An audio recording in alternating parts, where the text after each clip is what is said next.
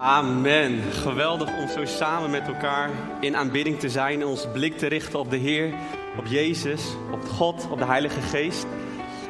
En ik vind het ontzettend tof dat we een hele dag met elkaar mogen beleven om ook daar dieper in te duiken. En ook om sleutels te ontvangen die we nodig hebben om het koninkrijk van God te gaan bouwen. Vandaar het thema, zoals jullie ook achter kunnen zien en op alle socials konden zien, let your kingdom come. Het verlangen van ons is dat we het koninkrijk zichtbaar zien worden in onze maatschappij. En ik heb het voorrecht om daar even kort wat over te gaan vertellen aan jullie. Ik uh, ben zoals Mark al zei naar Amerika geweest. En sommigen van jullie waren er misschien bij in mei. Toen hadden we ook Kingdom Culture. En toen heb ik kort wat gedeeld over het proces waar ik in zat. Ik zat thuis op mijn flatje en ik keek naar mijn leven en ik werd heel erg verdrietig. Want ik had het idee dat God mij vergeten was. Ik zag om me heen dat mensen gingen trouwen, mijn vrienden gingen trouwen. Mijn vrienden kregen kinderen, ze kochten huizen. En ik zat in de lockdown alleen in mijn flatje. Waarin ik ontzettend verdrietig, maar ook wel een beetje boos was op God. Van hé, hey, maar Heer, ziet u mij dan niet wat ik allemaal voor u doe? Waarom zegent u mij niet met de dingen die zo in mijn hart zitten? Ik wil ook een vrouw, ik wil ook kinderen, ik wil ook een mooi huis. En op dat moment zei ik ook van, oké, toen ben ik op mijn knieën gegaan. Ik heb gezegd, God, hier zijn al mijn verlangens, hier zijn al mijn dromen. Doet u maar wat u denkt dat moet gebeuren. En toen kwam het verlangen om een tijdje weg te gaan naar Amerika. Toen ben ik naar Amerika gegaan. Ik heb een plan gemaakt en deze mooie kerk heeft deze, dit plan goedgekeurd. En ze hebben me op betaald verlof gestuurd. Ze zeiden, we willen je zegen in dit plan. Ik had ook nog heel veel mooie mensen om me heen die mij financieel supporten. En ik mocht naar Amerika gaan. En als ik één ding kan aanraden aan jullie, is dat het soms heel goed is om even uit je vertrouwde omgeving te stappen en om op reis te gaan. En vandaag zijn er ook heel veel organisaties die daar wat over gaan vertellen in het pauzeprogramma. Dus ga er ook vooral heen als je het verlangen hebt om, om eventjes weg te zijn van hier. Want het zet je denken in een ander perspectief. En daar wil ik graag wat met jullie over delen. Dus zo ik al, zoals ik al zei, ging ik naar Amerika toe. Ik had mijn ticket geboekt en ik had ontzettend veel verlangen voor hetgeen wat God ging doen en ging spreken. En God heeft op wonderbaarlijke manieren zichzelf aan mij laten zien. Hij heeft heel veel um, wonderen gedaan eigenlijk in mijn leven in die tijd. Ik ben als eerst naar een megakerk geweest, Gateway Church. En Gateway Church is een kerk waar elk weekend zo'n 100.000 mensen naartoe gaan. Dus dat is ontzettend bijzonder om daar even te mogen proeven wat God daar doet. En een van de verhalen die ik even kort wil vertellen, is hoe God dan ging voorzien. Ik was daar in Amerika, ik had voor de eerste tien dagen een mooie plek om te overnachten. En daarna was nog helemaal niks geregeld. En ik zou er drie maanden zijn, dus er moest wel wat gebeuren. En ik had ook niet miljoenen bij me dat ik alles maar kon kopen en, en, en, en regelen. Nee, God moest het echt gaan doen in mijn leven daar. Dus ik ontmoette op een hele bijzondere manier een, eh, een Nederlandse man. Die was getrouwd met een Amerikaanse vrouw. En um, uh, ik, ik, bezocht ze thuis en ze hadden een prachtige vleugel. Nou, als je mij wil raken, dan moet je vleugel in je huis zetten. Dus ik vroeg van, mag ik even op jullie vleugel spelen? En ik begon te spelen en uiteindelijk waren, waren we twee uur verder... en we hadden een prachtige aanbiddingsavond gehad. Er was een hele bijzondere klik met deze mensen. En de dag daarna ging ik weer naar de plek waar ik sliep. En toen appten ze mij. Ze zeiden, hey, we hebben gebeden en we hebben het idee dat de Heilige Geest tot ons spreekt. En we hebben het idee dat we een auto voor jou moeten kopen. Ik, ik, las het echt een paar keer terug. Ik een auto voor mij kopen. Dat is iets wat ik nodig heb daar in Amerika. Je hebt niet, zoals hier in Nederland, alles dat je op de fiets kan doen of openbaar vervoer. Dat is daar helemaal niet zo goed geregeld. Dus ik had een auto nodig. En toen stuurde hij even een linkje van deze auto hebben we op het oog. Nou, raad eens, die auto was 13.000 dollar. En ze hadden me één keer ontmoet. Nou, ga mij niet wijsmaken dat het allemaal toeval is. Dit is gewoon God die voorzag in een nood die ik had. En hij zei daarnaast ook nog, uh, mijn, mijn schoonouders die hebben een groot huis en ze vinden het hartstikke fijn om je te ontvangen. Um, dus ik ging naar, ik zei, nou, tuurlijk wil ik dat, dat lijkt me prachtig. In de grootste villa-wijk van Dallas. En dan denk ik ook weer van, het heb het allemaal niet nodig, maar het is wel heel fijn om een beetje comfort te hebben. Dus ik zei geen nee. Dus ik dacht, nou, laat, ik daar, eh, laat ik daarheen gaan. En ik was daar een week en daarna die week zouden we even kijken hoe het beviel. En ze vroegen van, Edwin, het zou voor ons echt een een privilege, een voorrecht zijn om jou de komende drie maanden een thuis te bieden. En dat willen we heel graag voor je zijn. Dus ik heb drie maanden ook daarin zoveel zegen ontvangen. En dit wilde ik kort even vertellen, omdat God zorgt. We zingen heel vaak liedjes als Jaira, God voorziet. Maar geloven we het echt? Geloven we echt dat God op ons gericht is en dat hij ons in onze behoeftes wil voorzien? Nou, ik heb het ervaren dat God echt Jaira, de voorziener is. Hey, en nou, ik ben dus naar Amerika geweest en ik vond het heel tof en heel mooi en heel veel geleerd. Maar ik vond het ook soms wel lastig. Amerika is een, is een bijzonder land. We kennen het allemaal van tv. En er zijn ook wel sommige lastige dingen in de cultuur. Wat ik onder andere heel lastig vind, is dat het elke dag gaat het over politiek. Nou, ik kwam in een gebied waar iedereen helemaal fan was van president Trump.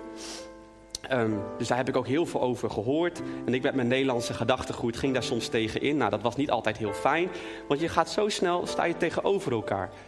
En terwijl we juist als christenen bedoeld zijn om samen in eenheid te leven. Dus politiek vond ik lastig. Ook alles draait daar om eten. Uh, zo snel mogelijk. Alle fastfoodrestaurants zijn 24-7 open. Um, wat vond ik nog meer lastig? Ik vond het ook lastig dat ja, het gaat heel erg om de American Dream. America First. Um, Let's make America great again. Al die termen die zo op jezelf gericht zijn en, en, en, en de zegen de hele tijd naar jezelf toe te halen. Nou, dat waren een aantal dingen dat ik lastig vond en dacht van, oh, dat, nou, dat, dat, dat, dat schuurt. Dat vind ik, ik sta daar anders in als Nederlander. En, um, en toen dacht ik van, ja, maar is dat niet zo met elke wereldse cultuur? Is dat niet met elke als ik naar Nederland kijk bijvoorbeeld, dan zie ik ook dingen waarvan ik denk, we zijn wel erg ver afgedwaald van hoe God het bedoeld heeft. En tot die conclusie kwam ik ook wel. Weet je, Amerika schiet tekort op bepaalde gebieden. Maar als ik naar een ander land zou gaan, zou dat ook op verschillende gebieden kunnen plaatsvinden dat, dat, dat ze tekort schieten. En toen dacht ik ook van mij, hey Ed, jij bent niet geroepen voor de Amerikaanse cultuur om daar aan te bouwen. Je bent niet geroepen voor de Nederlandse cultuur om dat te gaan bouwen in je leven. Je bent geroepen voor een andere cultuur. Het koninkrijkscultuur. En dat zijn wij met elkaar, kingdom culture. Dat is ons verlangen dat we het koninkrijk van God steeds meer zichtbaar zien worden in ons land. En dat vraagt dat we andere keuzes gaan maken. Want als wij de kerk uitstappen, naar ons werk gaan, naar school gaan, naar onze studieverenigingen gaan. En als we gewoon lekker meedoen met het koninkrijk en de normen en waarden die in ons koninkrijk gelden in Nederland, dan zullen wij helemaal niet het verschil maken, want dan gaan we met de stroom mee, dan gaan we de makkelijke weg. Maar wij zijn geroepen voor een ander koninkrijk, het koninkrijk van God. En daar wil ik kort wat over vertellen, want ik heb veel mooie lessen mogen leren in Amerika. En ik wil drie van die lessen met jullie gaan delen. Om op die manier te kijken, oké, hoe kunnen we dan inderdaad dat verschil maken? En hoe kunnen we anders zijn in ons doen en laten, in ons bewegen hier in Nederland? Nou, allereerste les die ik graag met jullie wil delen gaat over het volgende. Want ik zag in Amerika dat de christenen die ik heb ontmoet heel anders omgaan met geld. Ze waren echt ontzettend vrijgeven. Wat ik al zei, ik heb een auto van 13.000 euro tot mijn beschikking gekregen. Ik heb niet die 13.000 euro gekregen voor alle duidelijkheid, maar ik mocht wel drie maanden lang in die auto rijden. En ook kwam ik bij Gateway Church en ik had een gesprek met uh, een aantal worship leiders. En, en die zeiden van, hey, hier heb je een aantal boeken. Uh, neem ze maar mee en ga maar lekker lezen, want deze boeken hebben ons gezegend. En ik had mensen ontmoet en die geven me een hand. En er, en er zat iets in die hand. Dus ik kijk, ik kijk, oké. dus ik zou even kijken, even op de wc stiekem kijken. 100 dollar in mijn hand gedrukt. Ik dacht van, hoezo? Maar gewoon zo, dat cultuur van vrijgevigheid. En ik denk dat we daar echt in iets als Nederlandse christenen nog in te leren hebben. Want hoe vaak zijn wij wel niet in de macht van geld? Maken we ons zorgen over alles wat er op financieel gebied gebeurt? Ik denk niet dat altijd de Nederlandse kerk bekend staat om zijn vrijgevigheid. Omdat we zo beïnvloed worden door onze eigen cultuur. Altijd in het buitenland worden wij als Nederlanders gezien als gierige Nederlanders. Kijken, kijken, niet kopen. Dat, zo staan wij bekend, toch? Maar ik geloof dat we een andere cultuur mogen uitleven. En daarom wil ik ook kort even iets vertellen ook over het woord. Want hoe gaat dat dan in de Bijbel? Vanaf het begin al leert God hoe wij om mogen gaan met onze bezittingen, met ons geld. In het begin met Adam en Eva leerden ze al hoe ze God mochten dienen, hoe ze de God mochten aanbidden met hun offers. En het was altijd zo dat de eerstgeboren van alle eerstgeboren dieren kochten ze of kozen ze het beste dier uit. En dat gingen ze aan God offeren. En niet het dier wat ze eigenlijk niet meer nodig hadden als leftover. Nee, het beste deel werd altijd aan God geofferd. Maar ook verder in de Bijbel zie je ook dat de oogst die in het Oude Testament uh, rijp was, dan altijd het eerste, het beste deel ging naar God. En dat is het concept wat God ook aan ons wil geven. Hoe, hoe gaan we om met ons geld? Hij zegt, het eerste deel, het beste deel, een tiende deel, dat mag je aan mij toevertrouwen. En als ik kijk naar de oudere generatie in de kerk, zie ik dat dat heel vaak goed gaat. Dat daar ook, omdat dat nou eenmaal zo is aangeleerd, maar in de jongere generatie zie ik steeds meer dat principe verdwijnen. Tiende, geven we dat überhaupt nog? Moet dat nog? Is dat niet van het Oude Testament? En we hebben altijd smoesjes, altijd kunnen we wel een reden verzinnen waarom we de tiende niet hoeven te geven. Maar uiteindelijk zijn het allemaal smoesjes die zaken in stand houden om geld over ons te laten regeren. In de Malachi, een bijbeltekst in het Oude Testament, laatste bijbelboek, daar wil ik even kort een tekst voorlezen. Als het goed is komt die ook op het scherm. Dan gaat het best wel heel duidelijk zijn. En het gaat misschien schuren, maar ik vind het niet erg als mijn preek schuurt.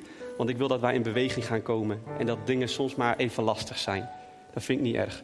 Dus ook deze tekst is best wel duidelijk en hard.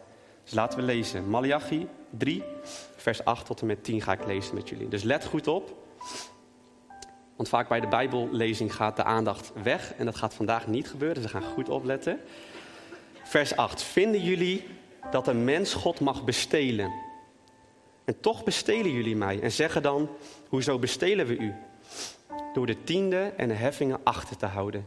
Jullie zijn vervloekt en nogmaals vervloekt. En toch blijft het hele volk mij bestelen. Stel maar maar eens op de proef, zegt de Heer van de hemelse machten. Breng alle tienden naar mijn voorraadkamer, zodat er voedsel in mijn tempel is. En zie dan of ik niet de sluizen van de hemel voor jullie open en zegen in overvloed op jullie land laat neerdalen. Nou, dat is best wel heftig, denk ik, als je het zo hoort. Als jij dus je tiende niet geeft, dan bestil je God. En dan ben je vervloekt. Dat is best wel, en dan zeggen we vaak in de kerk, ja, we mogen niet oordelen, we mogen niet. Weet je wat God hiermee bedoelt? Wij leven in een vervloekte wereld. Dus automatisch, als wij ons leven niet aan God overgeven, dan leven wij, dus plaatsen we eigenlijk onszelf onder de vloek, in dit geval van geld, van onze bezittingen. En hoe kunnen wij onszelf onder die vloek weghalen? Is om God te gehoorzamen en ons eerste deel, ons beste deel aan Hem te geven. En op het moment dat we dat aan Hem geven, dan kunnen we ook weten dat we los zijn van die vloek en dat we de zegen van de Heer kunnen ontvangen. En durven wij daar een stap in te zetten? Durven wij te zeggen van, hé hey Heer, ik weet niet hoe ik deze maand rondkom, maar ik weet wel wat er binnenkomt. En als u in uw woord zegt dat ik het eerste deel, het tiende deel, mag geven aan u, dan wil ik u daarin vertrouwen. Ik geloof oprecht, lieve broers en zussen, dat wij met 90% van ons geld rijker zijn dan met 100% van ons geld. Want die 100% doen we het op eigen kracht. En die 90% zeggen we, Heer, we zijn afhankelijk van u. En u zorgt voor ons. En ik ga nu niet een oproep doen, kom naar voren en geef je tiende. Dat mag je lekker zelf uit gaan zoeken met de Heer, hoe je dat wil gaan doen. Maar ik wil je wel uitdagen om kritisch te gaan kijken, hoeveel macht heeft geld op mijn leven? En wil ik het op eigen kracht doen of wil ik de Heer vertrouwen dat Hij daarin voor me zorgt? Dat was een van de eerste lessen die ik mocht leren in Amerika. En een andere les die ik mocht leren is hoe we als christenen om gaan met het principe van rust. Zowel in Amerika als in Nederland zie ik dat we op zo'n enorm hoog tempo aan het leven zijn en dat we allemaal maar doorhollen. Ehm, maar wat ik mooi vond is dat de christenen in Amerika die ik heb ontmoet echt een andere, ander ritme hadden in hun leven. Dat zij veel beter in staat waren om vanuit de rust te bewegen. En vanuit de rust keuzes te maken. En ook echt rust in te bouwen in hun agenda's. En toen dacht ik van wow, maar als ik dan ook bijvoorbeeld soms naar mijn eigen kerk en omgeving en vrienden met wie ik optrek kijk. Dan zie ik dat veel mensen het zwaar hebben. En veel mensen richting overspanning of burn-out gaan. Als ik heel eerlijk ben, ik heb geen persoon gesproken in Amerika. Dat komt ook wel natuurlijk dat ik niet heel Amerika heb gesproken. Maar de mensen van wie ik, die ik heb ontmoet. Ik heb geen mensen gezien die uh, worstelden met burn-out. Of omdat ze zo goed in staat waren om vanuit rust te leven. En ook als we naar de Bijbel kijken, Genesis 2. Mag ook wel even op het scherm. Kennen we allemaal wel het scheppingsverhaal van God. Waarin God de aarde eh, schept in zes dagen. En dan staat er in vers 2, of Genesis 2, vers 1 staat het volgende. En zo werden de hemel en de aarde in al hun rijkdom voltooid. Op de zevende dag had God zijn werk voltooid en op die dag rustte hij van het werk dat hij had gedaan. God zegende de zevende dag en verklaarde die heilig, want op die dag rustte hij van heel zijn scheppingswerk. Dus ook hier al zien we dat God aan het begin van de schepping al zo duidelijk maakt van het is belangrijk om rust te nemen. God die alles heeft gemaakt en alles aan kan, die koos zichzelf voor dat we een rustdag nodig hebben. Dat we een dag hebben waarin we even alles laten liggen en even niet bezig zijn met de werkzaamheden die we dagelijks uitvoeren. Ook dat is weer een stap in het diepe. Want hoe kan ik dan alles afkrijgen? Hoe kan ik dan zorgen dat ik al mijn verplichtingen nakom? En die hebben we nogal veel in onze tijd. En wat ik al vertelde, ik was bij Gateway Church, de kerk waar ik dus veel naartoe ging en veel mocht leren. En de voorganger die heeft veel boeken geschreven, en ook onder andere boeken over rust. En op een gegeven moment deelde hij een getuigenis van, zijn, van zichzelf. In 2002 werd Gateway Church opgericht in Dallas. Het was een, uh, het was een voorganger die had een droom. En die had ook het idee van, ook mag hierin uitstappen. Dus die startte de kerk. En in de eerste jaren was het echt booming. Er gingen massaal mensen naar die kerk toe. En er kwamen ook veel mensen tot geloof. En het groeide binnen een aantal jaar al uit tot een megakerk. Al drie, vier, vijfduizend leden hadden ze in de eerste jaren van hun oprichting. En op een gegeven moment werd pastor uh, Robert Morris werd wakker. En hij zat op zijn bed en hij deed zijn sokkela open. En hij pakte een sok en hij begon te huilen. En waarom begon hij te huilen? Omdat hij zijn andere sok niet kon vinden. Nou, dan ben je ver heen. Dan ben je echt op en opgeblust en uitgebrand. Dus zeiden de oudsten van die kerk: Je moet niet meer elk weekend gaan spreken. Je doet normaal vier, vijf diensten in een, in een weekend. Je moet even alles neer gaan leggen, helemaal niks meer doen. Dus we willen dat je zes weken thuis gaat zitten. Dus hij was thuis gaan zitten en had alles losgelaten. En de kerk ging gewoon lekker door. Weet je, kerk bouwen niet op mensen, bouwen op Jezus. Dus als iemand even wegvalt, dan gaat het gewoon door. En daarin merkte hij van oké, ik laat het nu los, maar het helpt me eigenlijk helemaal niks. Dus na die zes weken zei hij van ik ben nog steeds moe, nog steeds opgebrand en opgeblust. Ik voel me geen haar beter dan, dan in de begintijd, of dat ik hier wegging. Dus zeiden die oudsten, dan ga je nog maar een week thuis zitten. Dus hij zat zeven weken thuis, werd weer in contact met de oudsten. Nog steeds was hij heel erg moe. En op zeven weken en drie dagen werd hij wakker en hij zei: Ik weet niet wat er is, maar ik, ik voel me weer helemaal fris, kip lekker. Ik wil weer lekker aan de slag gaan.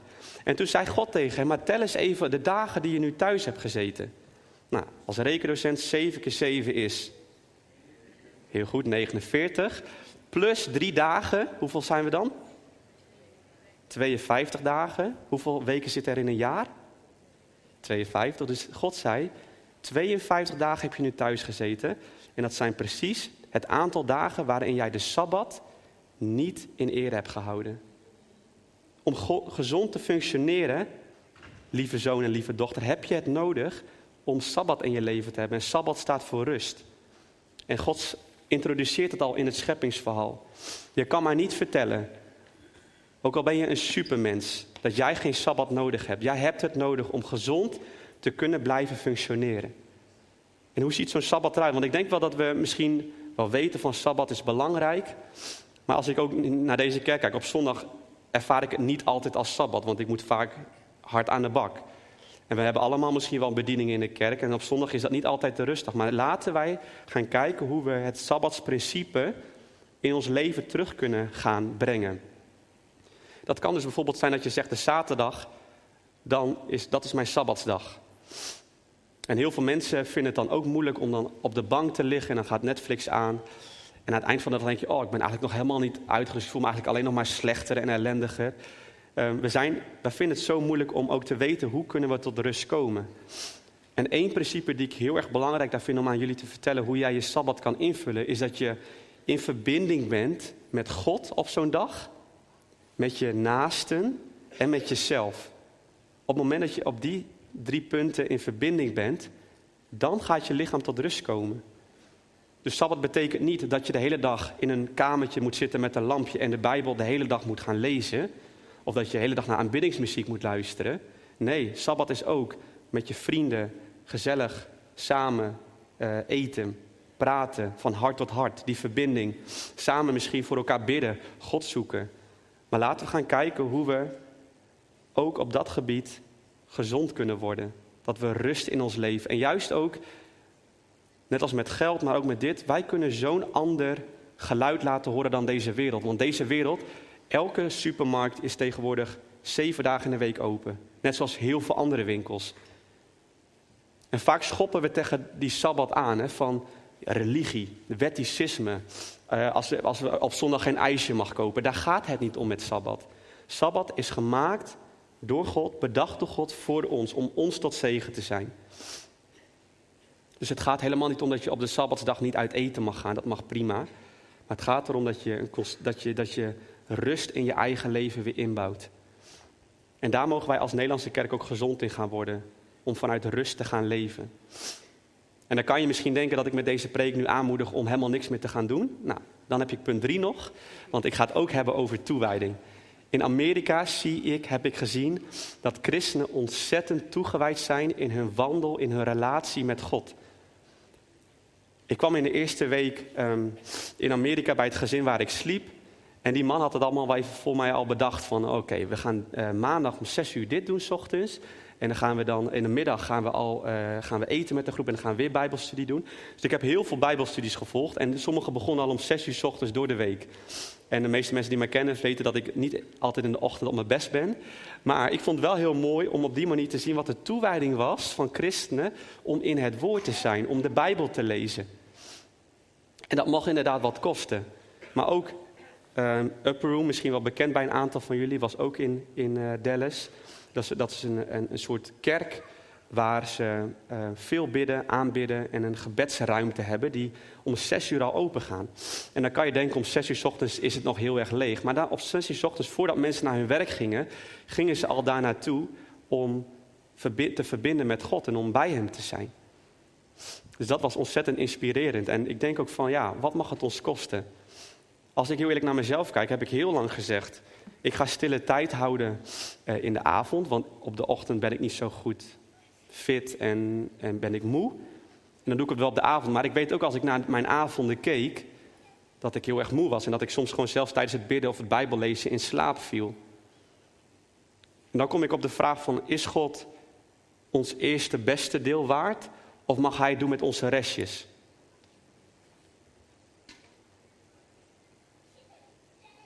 Hoeveel prioriteit heeft Hij in ons leven? Heeft Hij überhaupt een plek in je agenda? Of is onze agenda gevuld met allemaal verplichtingen, sociale contacten? En moeten we kijken of God wel enigszins ruimte mag krijgen in onze agenda? Weet je, toewijding is ontzettend belangrijk. En als ik dan keek naar al die mensen daar in Amerika, zie ik ook bijvoorbeeld gewoon dat ze op straat voor elkaar aan het bidden zijn. Of dat ze um, ja, echt veel meer christen ook op de andere dagen dan de zondag alleen zijn. En in Nederland is het heel vaak gerelateerd aan de zondag. Dan ben ik christen en in de week dan doe ik mijn eigen ding. Maar mogen we toegewijd christen zijn? Mogen we toegewijd zijn in al onze keuzes die we maken? En mag het ons wat kosten om met Hem te zijn en om te bouwen aan de relatie met Hem? En dat vraagt soms keuzes. Dat vraagt soms om niet mee te gaan naar de bioscoop en thuis te zijn met God. Of dat vraagt keuzes om net even wat eerder op te staan en dat betekent dus misschien ook wat eerder naar bed gaan. Wat mag het je kosten? En in de Bijbel vind ik zo'n mooi voorbeeld. Dat verhaal heb ik ook heel vaak in Amerika gehoord. Dat kennen we ook wel ongetwijfeld. Dat Maria bij Jezus is en op haar knieën gaat en een kruikje breekt. En in dat kruikje zit olie, parfum. En dat stort ze uit over Jezus' voeten. En ze doet met haar tranen en de olie en wassen met haar haar de voeten van Jezus. Dan ze Jezus. En in die tijd was die parfum zo kostbaar en zo duur dat het gelijk stond aan een jaarloon. Wat ik zo mooi vind aan die daad is dat Maria niet bezig was, wat vinden mensen ervan wat ik doe? Want die mensen die vinden altijd wel wat. Als jij andere keuzes gaat maken in je leven, dan vinden mensen daar wat van. Maar is dat belangrijk? Moeten we mensen pleasen? Of mogen we God gehoorzamen in onze toewijding aan Hem? En dat stond dus voor een jaarloon. Dus ze, gaf, ze deed een hele gekke daad, maar daarmee liet ze zien: Jezus, u heeft alles, u mag alles hebben. Ik wil me volledig aan u overgeven. Ik verlang naar, lieve mensen, dat wij een kerk zullen zijn die anders is dan deze wereld. Dat wij anders omgaan met ons geld. Dat we tot zegen mogen zijn voor deze wereld met ons geld. In plaats van dat we onder de vloek blijven leven waar we onszelf onder plaatsen. Omdat dit een vervloekte wereld is. Het gaat hier alleen maar om meer verdienen, hoge salaris. En dan kun je een grote huis kopen en dan heb je een groot huis. Maar dat gaat je hart niet vervullen. Jezus gaat alleen je hart vervullen. Dus laten we niet onder de vloek leven, maar laten we onder de zegen leven en ook met rust. Wat ik zei over dat geld met die 90, 10 procent. Ik geloof ook dat we meer kunnen doen in zes dagen dan dat we in zeven dagen kunnen doen zonder God, op eigen kracht. Mijn hart breekt als ik op mijn school weer ben waar ik les geef. En dat ik al zie dat jongeren eraan onderdoor gaan, verward raken, het niet meer weten. Willen wij dat voorbeeld in stand houden? Willen wij mensen richting die overspannenheid bewegen? Of kunnen wij zeggen tegen mensen: hé, hey, laten we samen sabbat gaan vieren? En als mensen God nog niet kennen, kun je ook een ander woord voor sabbat gebruiken. Maar laten we samen verbinden met elkaar, dat we echt over de dingen praten waar het om gaat in dit leven. Maar ook in onze toewijding. Mag het wat kosten? Mag het, mag het zo zijn dat ik eerder opstand tijd met God te, te nemen? Of, of, of wat bij je past. Maar dat God een plek in je, in je agenda mag hebben. Dus ik ga zo meteen bidden met jullie. En ik wil eigenlijk gewoon vragen: wil jij je op deze drie punten gaan toewijden aan Hem? Aan overgeven aan Hem? Durf jij tegen God te zeggen: God, hier zijn mijn financiën. Ik vind het super spannend. Ik kom nu al amper rond. En durf je ook je rust, je tijd aan Hem te geven. Dat je zegt, God, hier is mijn agenda, wilt u het invullen? Lieve christenen, lieve broers en zussen, we zijn een marathon aan het lopen en geen sprint aan het trekken. En het is tijd dat de kerk van Nederland gezond gaat worden. En dat betekent dus ook dat we terug moeten gaan naar het woord, zoals God dingen bedoeld heeft. En dat we niet ons laten meeslepen door hoe het in deze wereld eraan toe gaat, maar dat we tegen de stroom in durven te gaan. Om Hem te gehoorzamen, om onszelf toe te wijden aan Hem. En dan kan het zijn dat de wereld denkt van jullie sporen niet, jullie zijn gek. Laat het maar zo zijn. Ik ben liever dwaas voor de Heer dan een held voor deze wereld.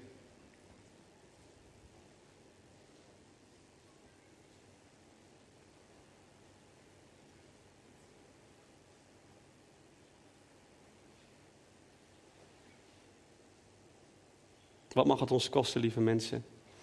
Het volgen van Jezus.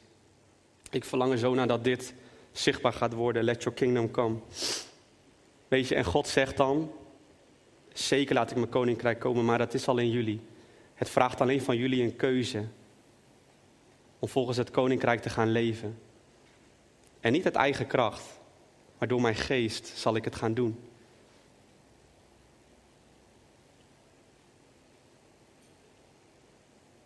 Laten we gaan bidden. Je mag wel je ogen sluiten. En je mag gaan nadenken van Heer, wat wilt u tot mij spreken op dit moment? Heilige Geest, we nodigen u op dit moment uit om te spreken tot ons hart. We verlangen ernaar dat uw koninkrijk zichtbaar wordt door ons heen, Heer.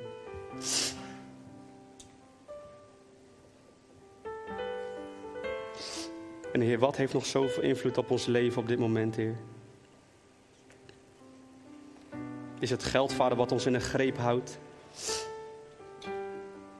Is het onze agenda, Vader, die altijd maar op hol is? Voelen we zoveel prestatie, prestatiedruk om te voldoen aan de verwachting van mensen? Wijden we ons toe aan de verkeerde dingen in ons leven, Heer?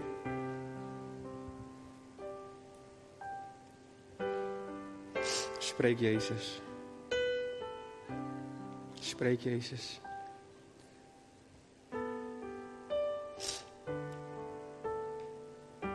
Spreek Jezus. U bent genoeg, Heer.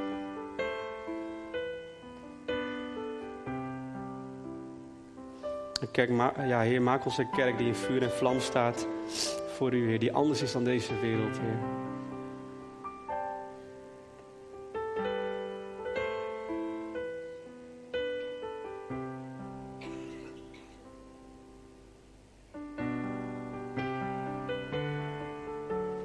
Amerika mocht ik dit lied ook horen, wat mij zo raakte. Gaat zo. Oh, I want Jesus. Oh, I want Him. Oh, only Jesus. Take this world and give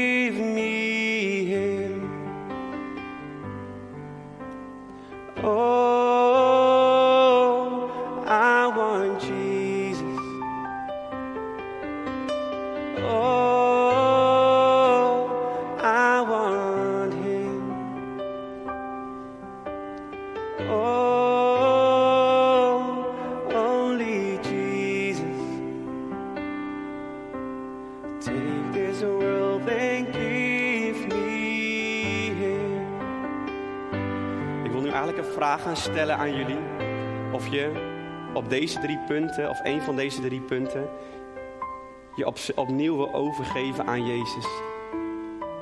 En dat je mag zeggen van, hé, hey, Jezus, ik wil U in mijn geld, ik wil U in mijn rust, ik wil U in mijn toewijding. En neem de wereld maar uit mij, Heer. Ik ben nog wel in deze wereld, maar niet meer van deze wereld. En als jij dat wil, dan wil ik je gaan vragen om gewoon te gaan staan. En het maakt niet uit dat andere mensen naar je kijken, want we gaan niet voor mensen staan, maar we gaan voor de Heer staan. We gaan niet meer mensen pleasen, maar we gaan God gehoorzamen.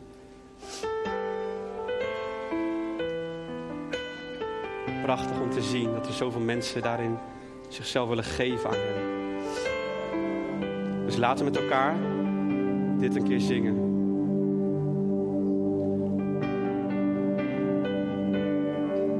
Komt hier, I want Jesus.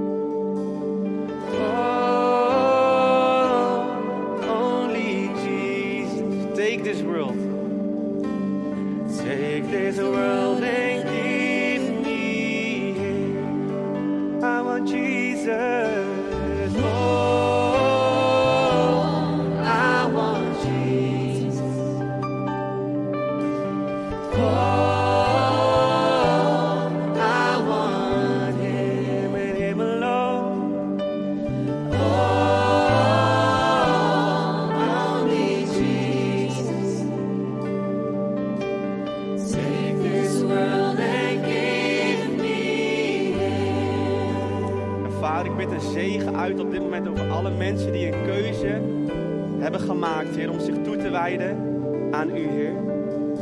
Die hun tijd en hun geld en hun toewijding aan U willen geven op dit moment, Heer. Help, Heilige Geest, om duidelijk te maken hoe we dat in ons leven kunnen toepassen. En Vader, bekrachtig deze kerk. Bekrachtig deze kerken, de generaties die hier voor mij staan. In het leven van uw koninkrijk, Heer. En ik spreek moed uit over jou anders te zijn dan deze wereld. Ik spreek leven uit en vernieuwing uit over je denken. Dat alles wat deze wereld in jouw hersenen heeft geprent, dat God het mag vernieuwen. En de Heilige Geest zal het in je doen. Niet uit eigen kracht, maar door zijn geest mogen we anders zijn. In Jezus' naam. Amen. Aan mijn uh, rechterkant, jullie linkerkant staan prachtige mensen die met je willen bidden.